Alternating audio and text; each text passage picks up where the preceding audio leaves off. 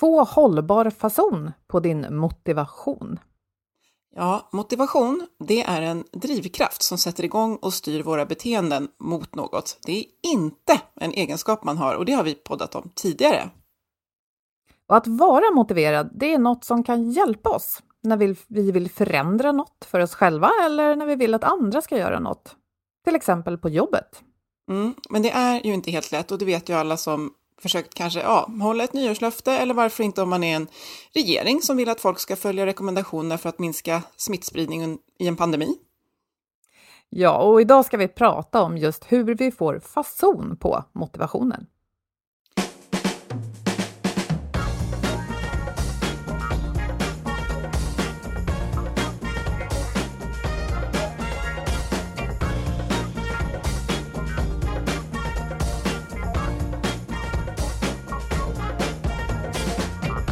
Lyssnar på Health for Wealth. Det här är en podd om hälsa på jobbet. Ja, för hälsa det handlar ju om så mycket mer än att knapra morötter och springa runt i tights. Hälsa kan till exempel handla om bra samarbeten. Att både ha en tydlig riktning och frihet att agera självständigt och trygga ledare som har tid att leda. I den här podden då tar vi ett helhetsgrepp på hälsan på jobbet. Allt ifrån hur vi hanterar gränslöshet, digitalisering, stillasittande till hur vi tillsammans bygger arbetsplatser där människor både mår bra och presterar. Och vi är Ann-Sofie Forsmark, jag driver företaget Oxigroup. Och Boel Stier, kommunikationskonsult. Lyssna på oss för inspiration och idéer varje vecka för dig som är chef, ledare och jobbar med HR eller är medarbetare. Mm, idag har vi en gäst med som jag verkligen sett fram emot att prata med. Jag har hört honom i flera andra poddar och en gång så ropade jag i skogen där jag brukar lyssna på podd yes rätt ut när han pratade om självkänsla.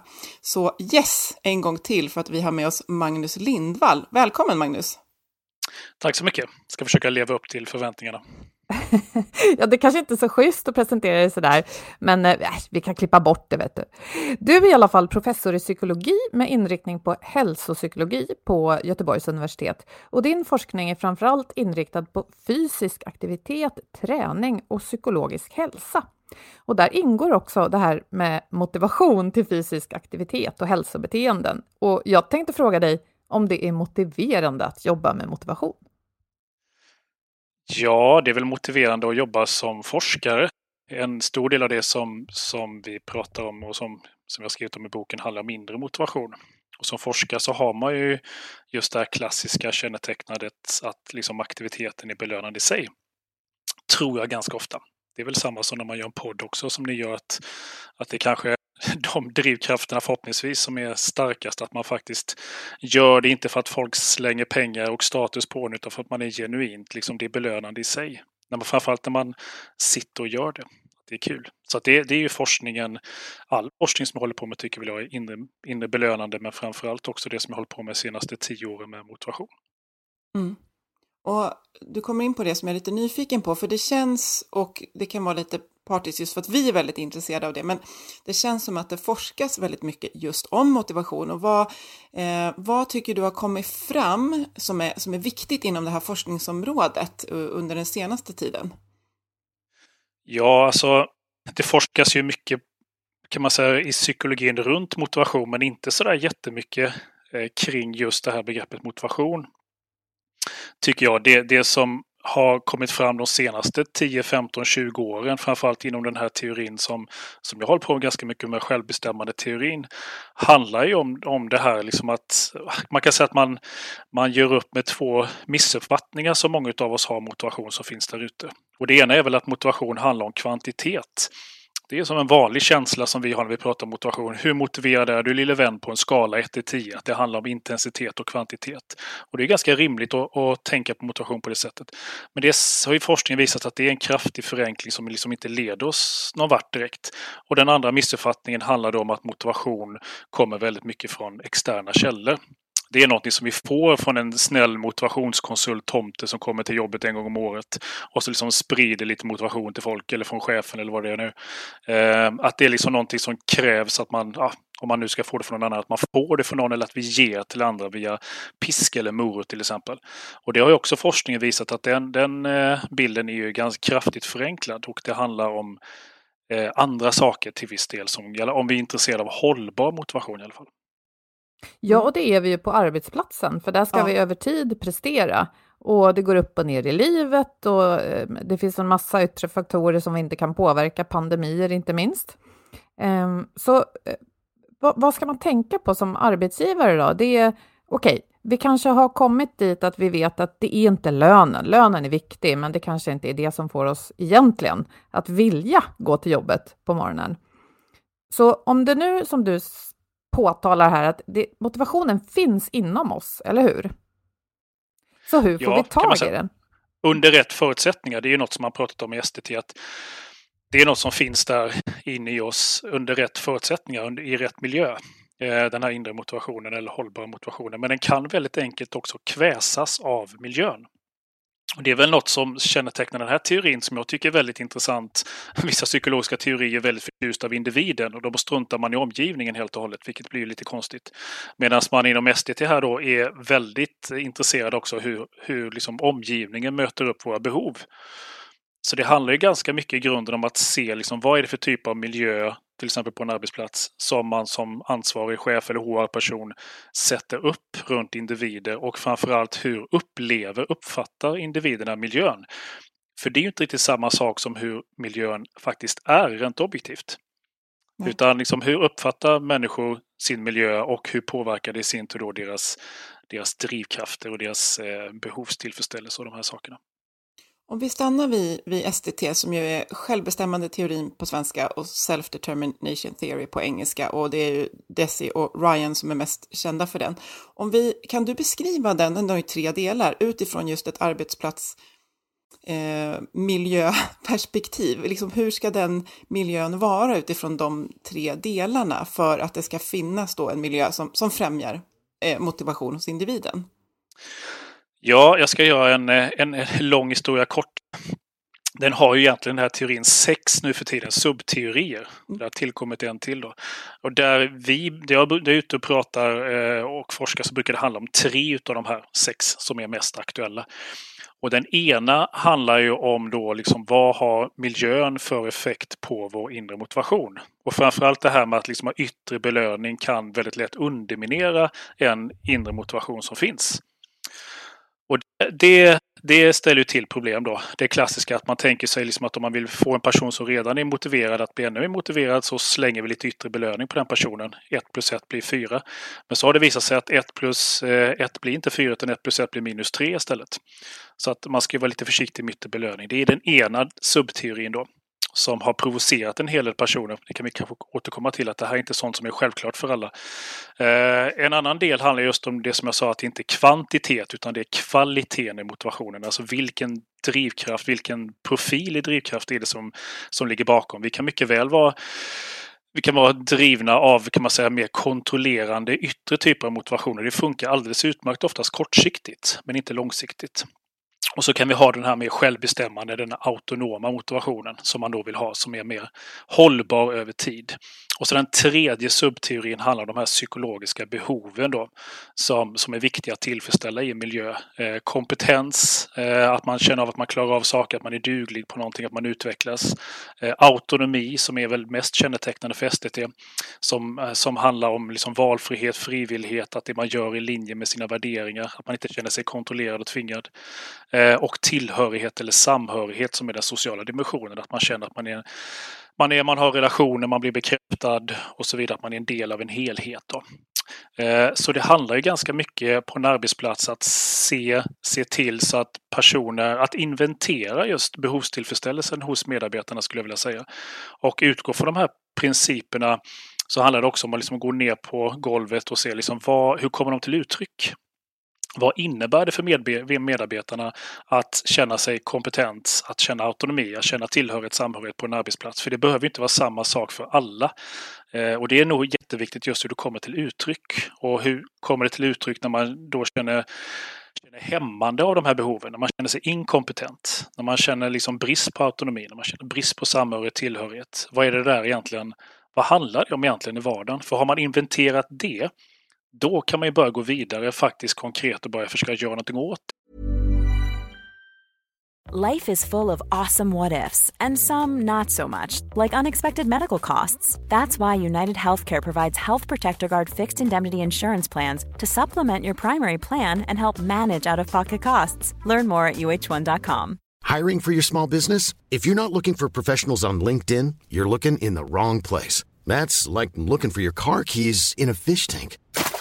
LinkedIn helps you hire professionals you can't find anywhere else, even those who aren't actively searching for a new job but might be open to the perfect role. In a given month, over 70% of LinkedIn users don't even visit other leading job sites. So start looking in the right place. With LinkedIn, you can hire professionals like a professional. Post your free job on linkedin.com slash people today. Life is full of what ifs. Some awesome, like what if AI could fold your laundry? And some, well, less awesome. Like what if you have unexpected medical costs? United Healthcare can help get you covered with Health Protector Guard fixed indemnity insurance plans. They supplement your primary plan to help you manage out of pocket costs. No deductibles, no enrollment periods, and especially no more what ifs. Visit uh1.com to find the Health Protector Guard plan for you. Så det handlar ganska mycket om att föra dialog med sina medarbetare och ställa frågor. Ja, det är ju en av delen, vad vi pratar om i boken också, motivationsrevolutionen, handlar ju också om att vi har försökt också inte bara vad är klassrummet utan också prata lite verkstad. Liksom vad är för verktyg man kan använda sig av? Och några av de verktygen som man använder mest inom STT när man ska försöka göra liksom ett ingrepp eller intervention och hjälpa personer ute på fältet handlar ju om egentligen tre, kan man säga, verktygs eller verktyg. Eh, som, som du är inne på här Boel. Eh, det ena handlar ju om autonomistöd. Eh, som utgår då från att, liksom att man, man, en del av autonomistödet är att man är väldigt tydligt ger varför man ska göra någonting. Man rättfärdigar någonting, man är tydlig med en förklaring till varför vi ska göra saker och ting. För det är viktigt om vi ska känna en hållbarhet. Ett annat är att man också ger valfrihet och frivillighet inom ramen för en viss struktur. Det andra redskapet är då struktur. Att man hjälper till liksom att sätta en spelplan för det som vi ska göra.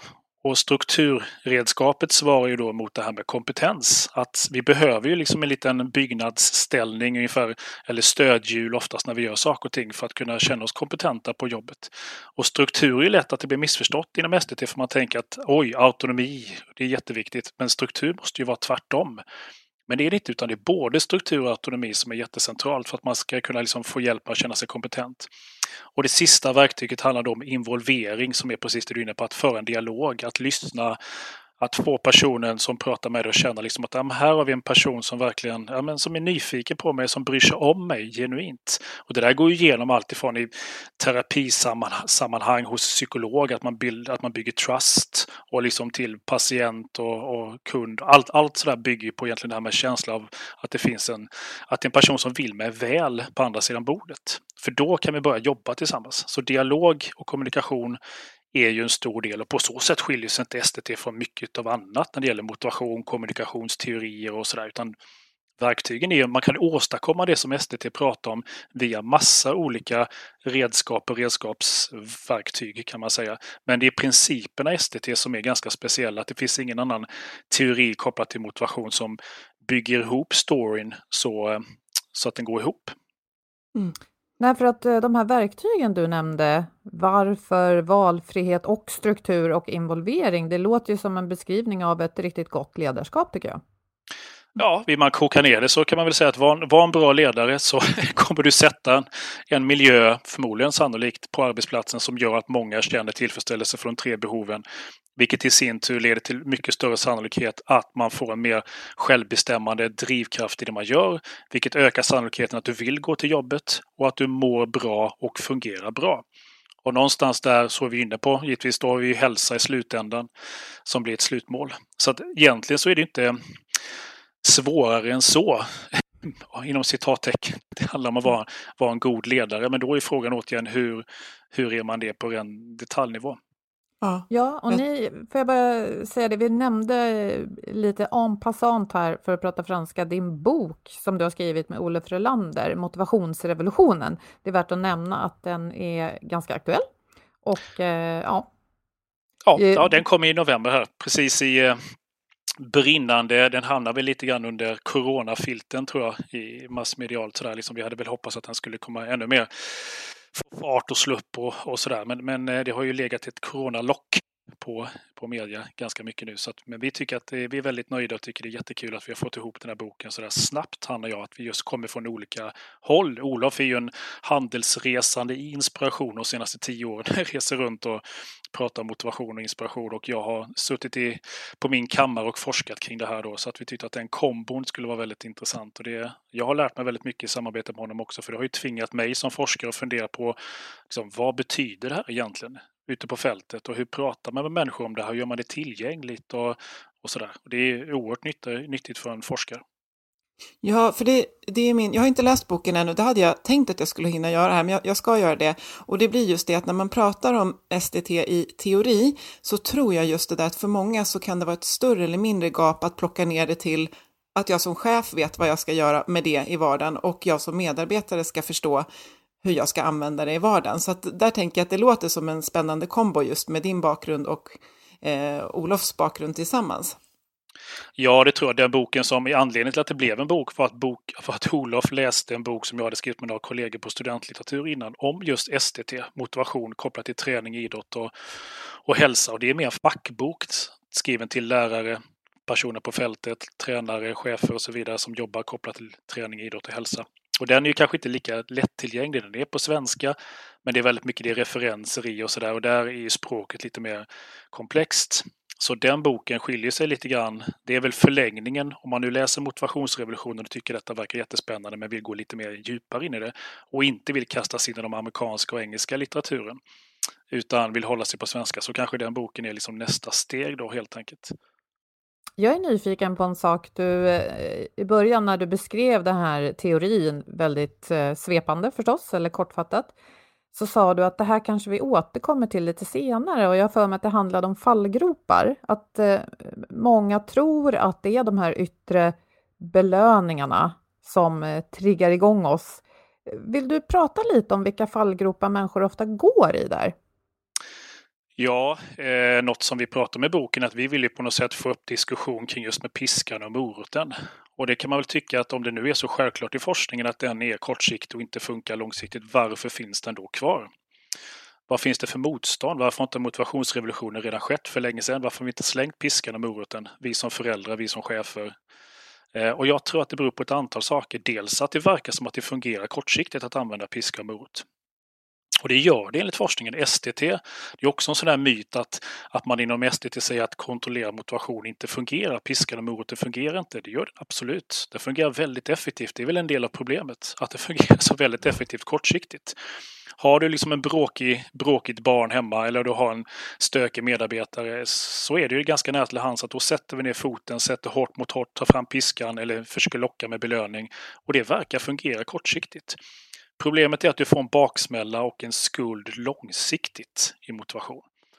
Och därför så tror jag att många tycker det är lite så här provocerande när man lägger fram det här för att de systemen som, som, vi, som vi har runt omkring oss bygger till stor del mycket på piska och morot.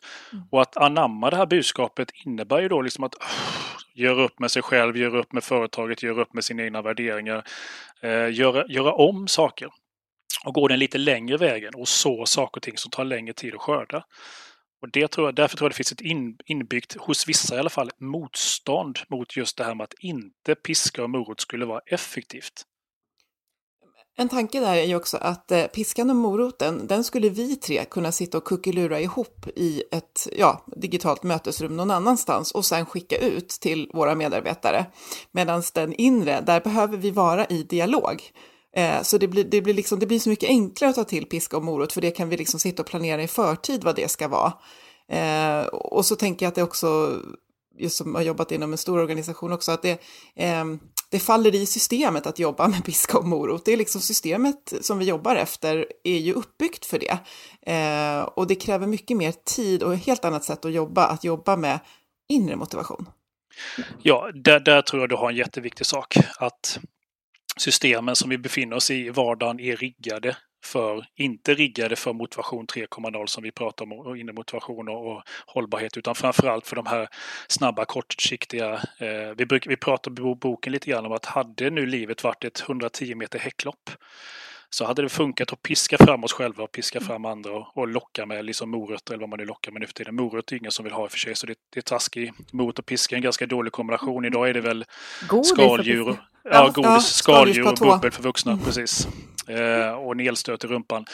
Och det funkar ju kortsiktigt om livet hade varit det, men både liksom arbetslivet och livet är ju mer som ett maratonlopp eller Vasalopp. Vi måste, man måste liksom orka hålla ut hela längden. I corona pratar vi om håll ut och håll i. Mm. Och det är ju arbetslivet också mycket det handlar om. Och då krävs det, som du är inne på här, då krävs det dialog, att man sätter sig ner och tänker efter. Det krävs att man pratar med människor och gör saker och ting.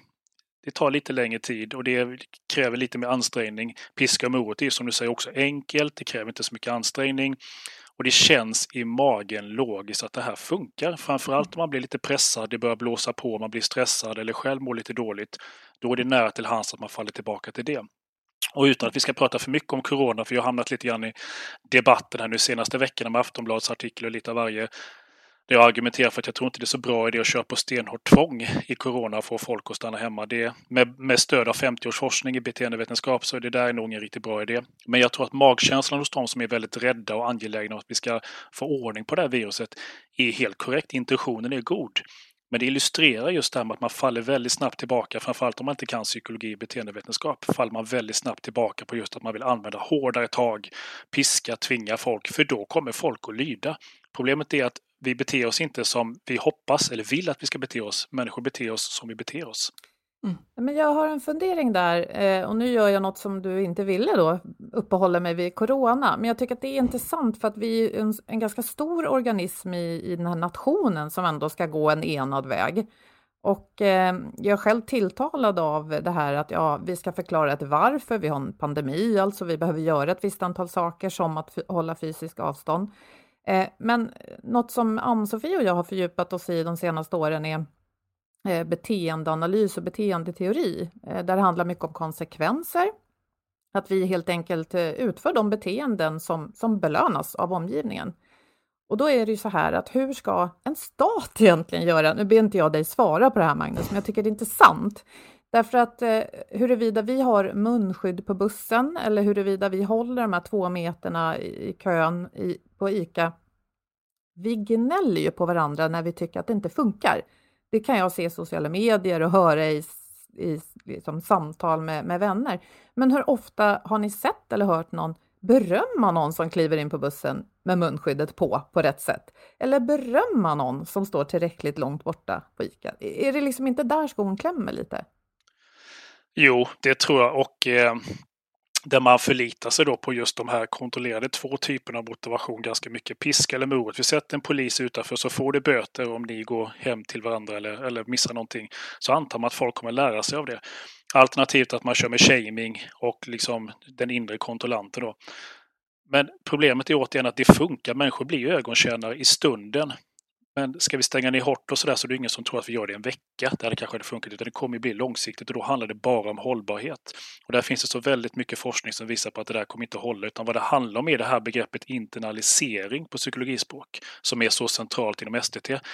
Där jag, där jag tyvärr hör de fåtal journalister eller forskare innan mig som har pratat om STT i Sverige, de är ganska få. Men de väl som har pratat om det har oftast missförstått vad STT handlar om lite grann. Eller man har plockat en del av kakan. Och det här begreppet med internalisering har man väldigt, väldigt ofta missat. Att man pratar bara om inre motivation eller yttre motivation.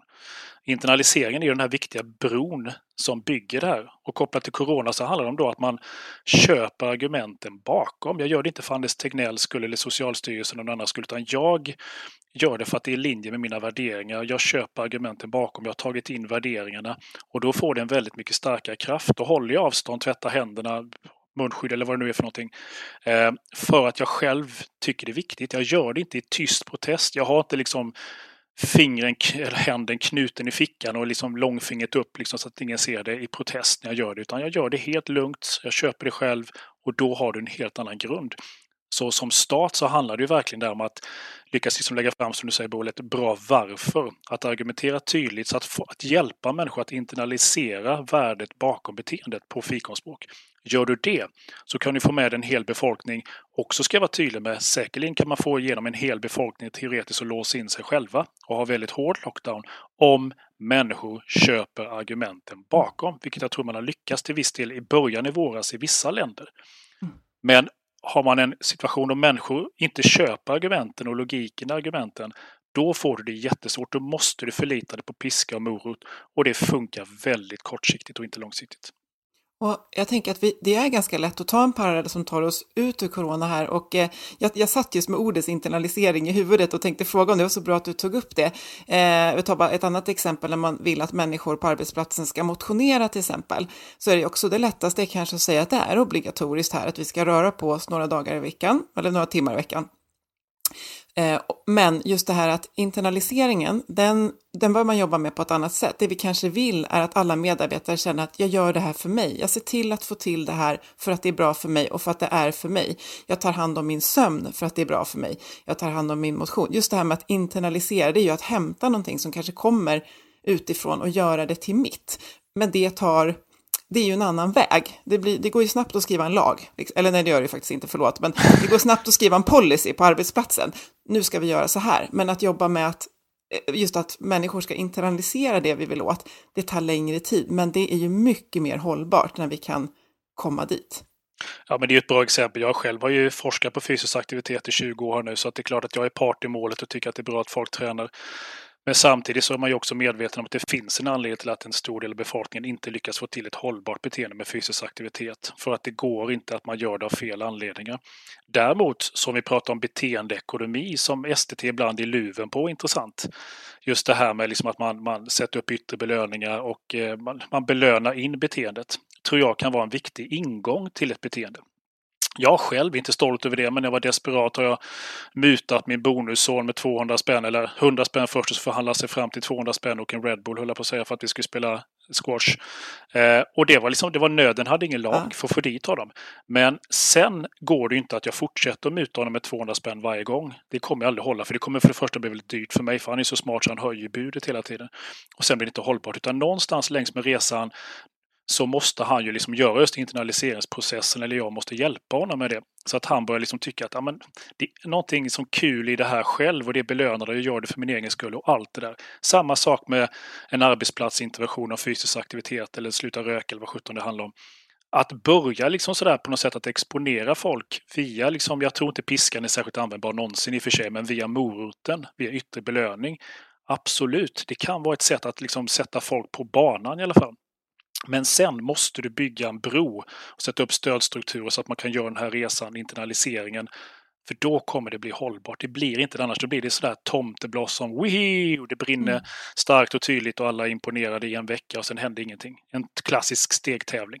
Sådär. Mm. Jättebra, jättebra beskrivet. Jag tror det där är så viktigt att ta med. Det är inget, men är det fel att belöna? Nej, men vi måste tänka, vad gör vi sen? För vi kan inte bara öka på med du får en till, eh, ja, vad det nu blir, semesterdag om du rör dig mer. Vart tar det vägen? Liksom? Mm. Ja, och det ska man också säga, det har ju SDT tittat ganska noga på. Vad är det för typer av, vad är det för typ av belöning som ställer till problem? Är all belöning problematisk? Nej, och vi har ju jättemycket KBT-forskning och beteendeanalys och allting som visar väldigt tydligt att det är klart att beteende påverkas av konsekvenser.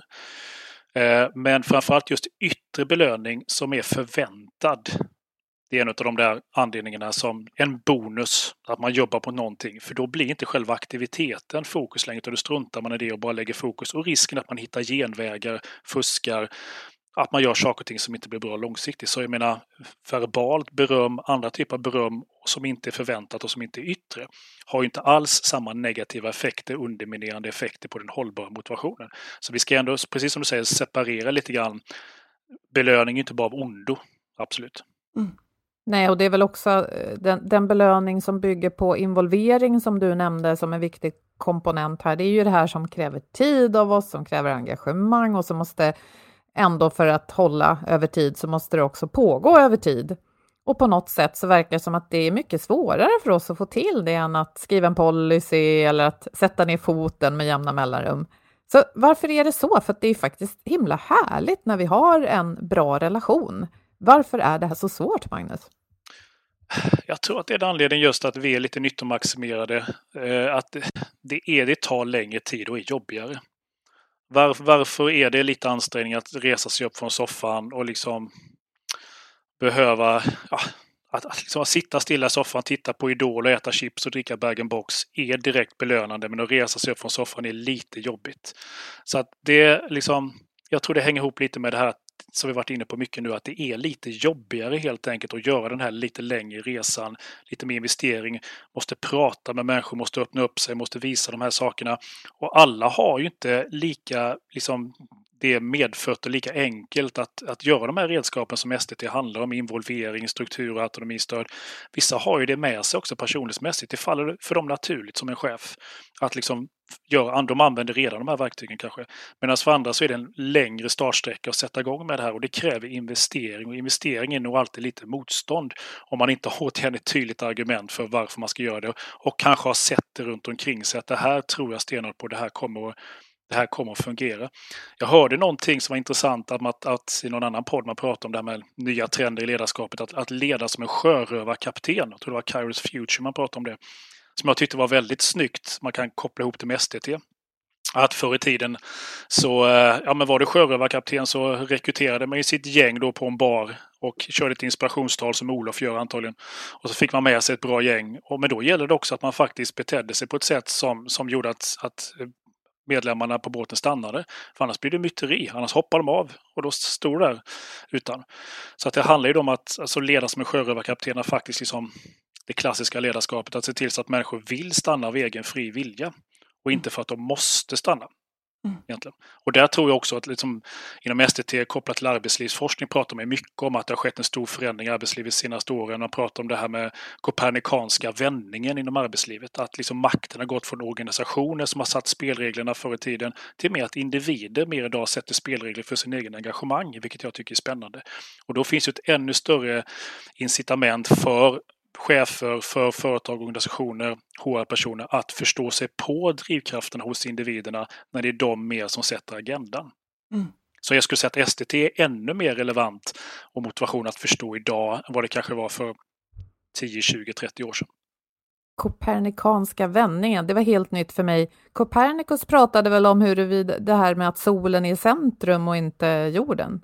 Exakt, det är det man använder inom SDT, just ja. att det var som stod, han vände upp och ner på allting, Copernicus, för att få ihop allting så, så på hans tid, 1500-talet, så den idén som fanns att jorden var i centrum för allt, han fick ju inte ihop himlakropparna och allting enligt den här bilden. Så han vände ju på det och tänkte att ja, men om, om solen är i mitten och allting snurrar runt solen så fick han ihop det. Och det blir mm. ju sen liksom en, den heliocentriska bilden som funkar bättre. Och på samma sätt menar man på att motivation med DC och Ryan har gjort samma sak motivation.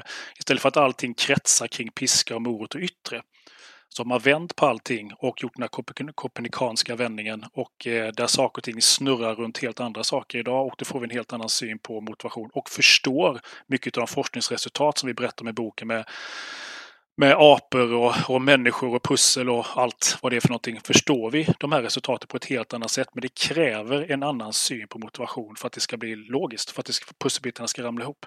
Mm. Jag tänker att vi, vi avslutningsvis ska titta eh, framåt och det krokar i precis det här du pratar om nu. Det kanske blir en ny kopernikansk vändning på något sätt därför att det pratas jättemycket om det nya normala och jag stöter i min roll som konsult organisationer som eh, jobba med att, att vi kommer gå in i ett nytt sätt att jobba. Några pratar redan om det kommer vara kanske tre dagar på kontoret och två dagar hemma när pandemin är över och logiskt då så landar man ju i att det kommer kräva mycket mer av individen. Vi redan pratar mycket om självledarskap, att man ska liksom driva sig själv, men att jag också nu behöver avgöra mycket mer när jag ska vara var och mycket mer fokus på att strukturera. Och här behöver vi ju vara motiverade och klarsynta och kunna liksom lyfta oss själva framåt. Hur tänker du kring medskick till organisationer kring det här då, citationstecken, nya normala? Hur behöver vi jobba med motivation där? Jag tror vi går tillbaka till just det här med vad innebär den nya situationen? Har man inte gjort en inventering vad kompetens och autonomi tillhörighet till exempel innebär på jobbet innan så är det väl en bra anledning att börja nu. Har man gjort det innan så kan man faktiskt göra en jämförelse. Vad innebär det nu när personer sitter hemma framför skärmen tre, fyra, som det nu är, fem dagar i veckan kanske istället. Och du som chef liksom ska kunna liksom, ja, men hjälpa människor att utvecklas och hjälpa människor med struktur, autonomistöd och involvering bakom en skärm.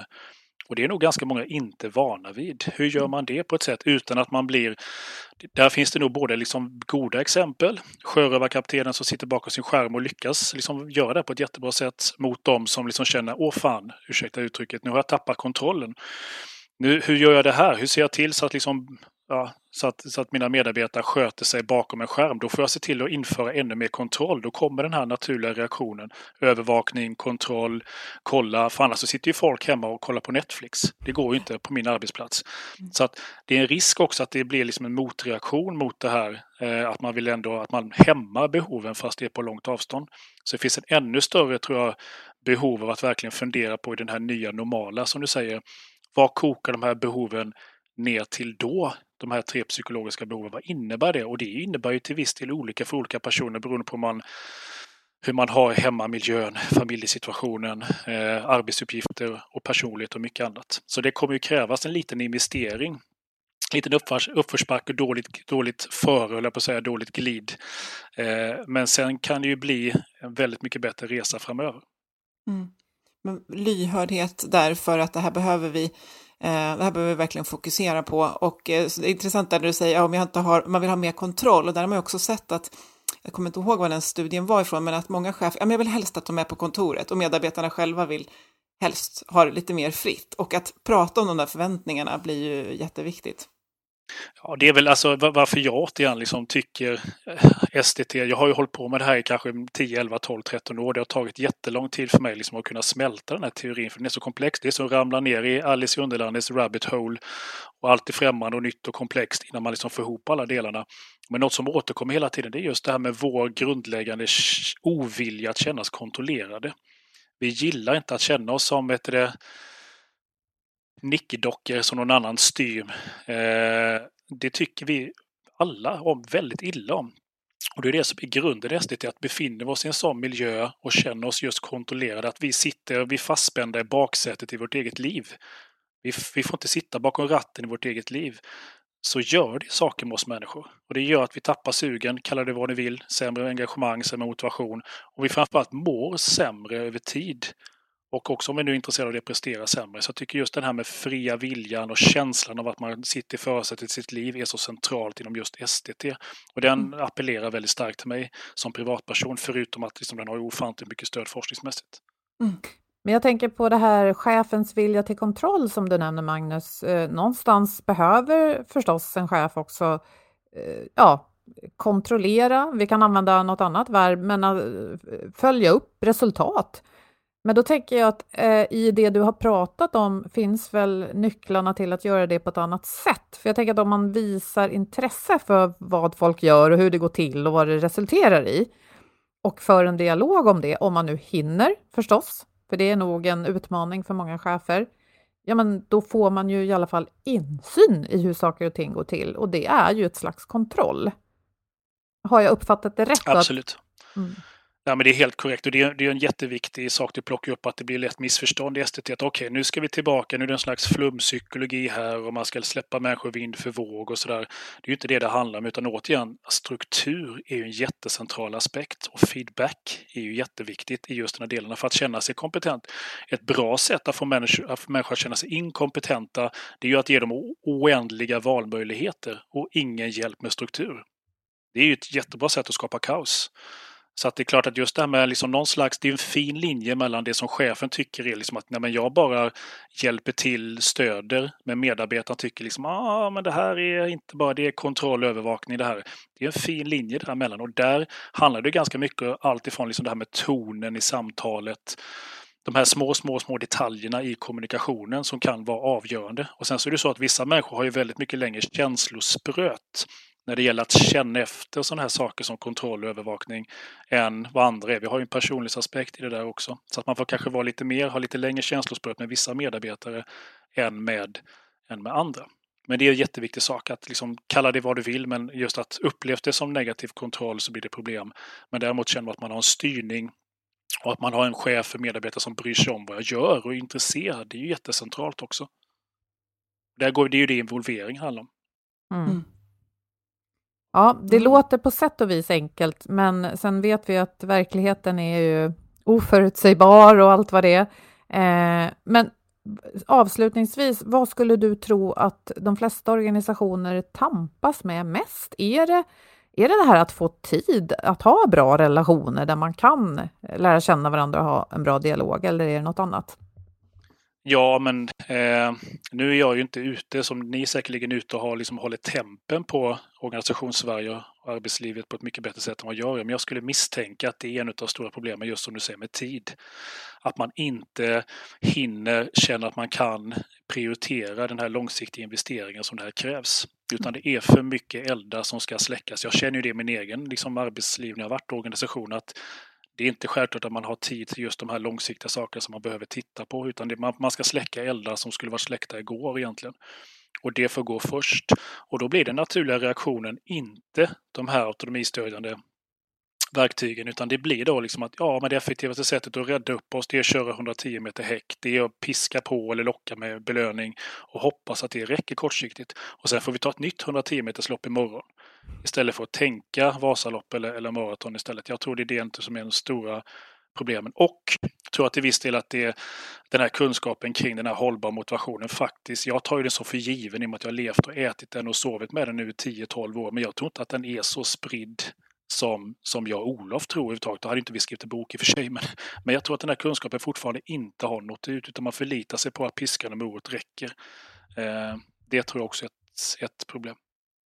Mm.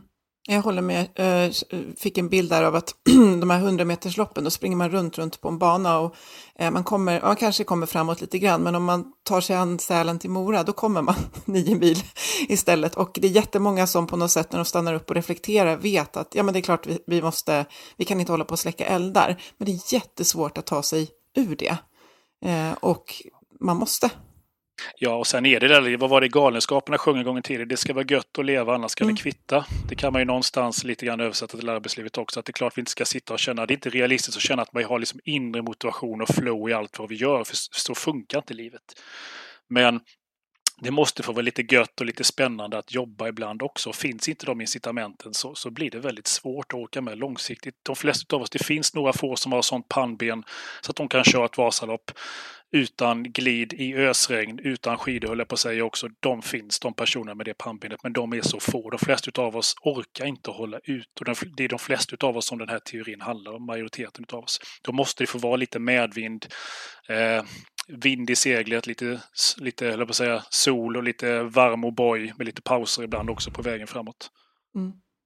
Jag tar med mig att eh, jag tror att många läser om självbestämmande teorin. Ja, det, ja, det är de här liksom delarna och sådär. Och så, och så ser den enkel ut och du beskriver den och återkommer till det mycket att den är komplex. Och det gillar jag, eh, inte för att folk ska skrämmas, utan man ska investera tid i att förstå den eh, på ett djupare sätt och eh, jag vågar rekommendera er bok och kanske då den här boken som du skrev tidigare också beroende på vad man gillar att läsa på för sätt för att just få en djupare förståelse. Ja, man blir ju inte man, man kan ju inte, om man nu pratar tv-spels jargong så kan man ju inte varva och klara SDT. Det kommer aldrig, man kommer aldrig klara hela spelet eller kunna förstå sig på det utan den har alltid nya saker. Det är ett oändligt landskap att lära känna. Och det är kanske en anledning till att den har glidit så mycket under radarn trots att det är den absolut starkaste motivationsteorin i forskningen. Att det är så få som har plockat upp den. För den skrämmer bort, den är komplex. Till och med för forskare har den för många pusselbitar och är för komplex och det är för många delar så att jag tror att det, det, det, finns en anledning till att det är en, det är en väl bevarad hemlighet för att den har varit så komplex. Men det finns alla anledningar, som du säger, liksom att sätta sig in i den här och plocka delar av den om inte annat. Och börja fundera mm. på hur, vad hänger det, hur hänger det ihop i mitt liv? Och det är det vi försökt göra i motivationsrevolutionen, plocka ner den så mycket vi har kunnat och utan att göra våld på, på själva liksom innehållet. Mm. mm. Ja, och jag tar med mig att även om både verkligheten och den här teorin är väldigt eh, komplexa så kan man ändå börja jobba med att tänka okej, okay, jag behöver hjälpa mina medarbetare med deras varför, eh, hjälpa dem att känna kompetens och valfrihet inom en struktur som jag faktiskt är ansvarig för att hjälpa dem med. Och, ja, det var ju eh, fantastiskt ja. vackert sagt. Jaha, vad bra. Nej, Summera att, hela boken. det finns alltid delar man kan börja med. Så känner man att det finns utrymme att förbättra där så kan man ju börja med det faktiskt. Vi är alla på någon typ av resa och eh, ja, vad är det man brukar säga? Ett maratonlopp måste ju börja någonstans eller elefanter måste ätas i bit för bit. Mm. Precis. Precis. Tack så mycket Ja, men- för att du ville ja, vara med tack. idag, Magnus. Tack för ett trevligt Tusen tack. samtal. Jättetack. Och eh, vi har en samarbetspartner extremt passande idag. De heter motivation.se. Och självklart finns där massor att läsa just om det. Och vi har valt ut en artikel idag som heter Motivationskoden. Och det är en av våra tidigare poddgäster, Frida Spikdotter, som har intervjuat författaren Tommy Lundberg om ledarskapets roll för motivation. Och det har vi pratat lite om idag, så där passar det jättebra att läsa vidare. Och vi länkar till den från det här inlägget på vår sida. Och med det tackar vi våra samarbetspartners motivation.se och Agda Media för den här produktionen. Följ oss gärna där poddar finns och på LinkedIn där du gärna får kommentera våra inlägg och säg hej så hörs vi om en vecka igen. Må så gott. Tack och hej! Hej!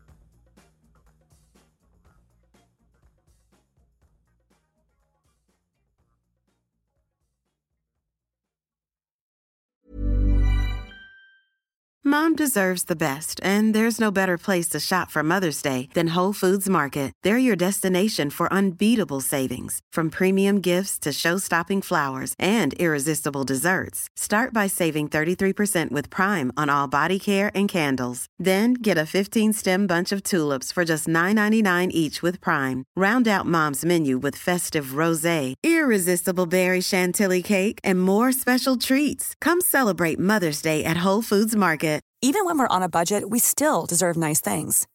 Quince is a place to scoop up stunning high-end goods for 50 to 80% less than similar brands. They have buttery soft cashmere sweaters starting at $50, luxurious Italian leather bags, and so much more. Plus, Quince only works with factories that use safe, ethical, and responsible manufacturing. Get the high-end goods you'll love without the high price tag with Quince. Go to quince.com slash style for free shipping and 365-day returns. Imagine the softest sheets you've ever felt. Now imagine them getting even softer over time. That's what you'll feel with Bowl and Branch's organic cotton sheets. In a recent customer survey, 96% replied that Bowl and Branch sheets get softer with every wash. Start getting your best night's sleep in these sheets that get softer and softer for years to come. Try their sheets with a 30-night guarantee. Plus, get 15% off your first order at bowlandbranch.com. Code BUTTERY. Exclusions apply. See site for details.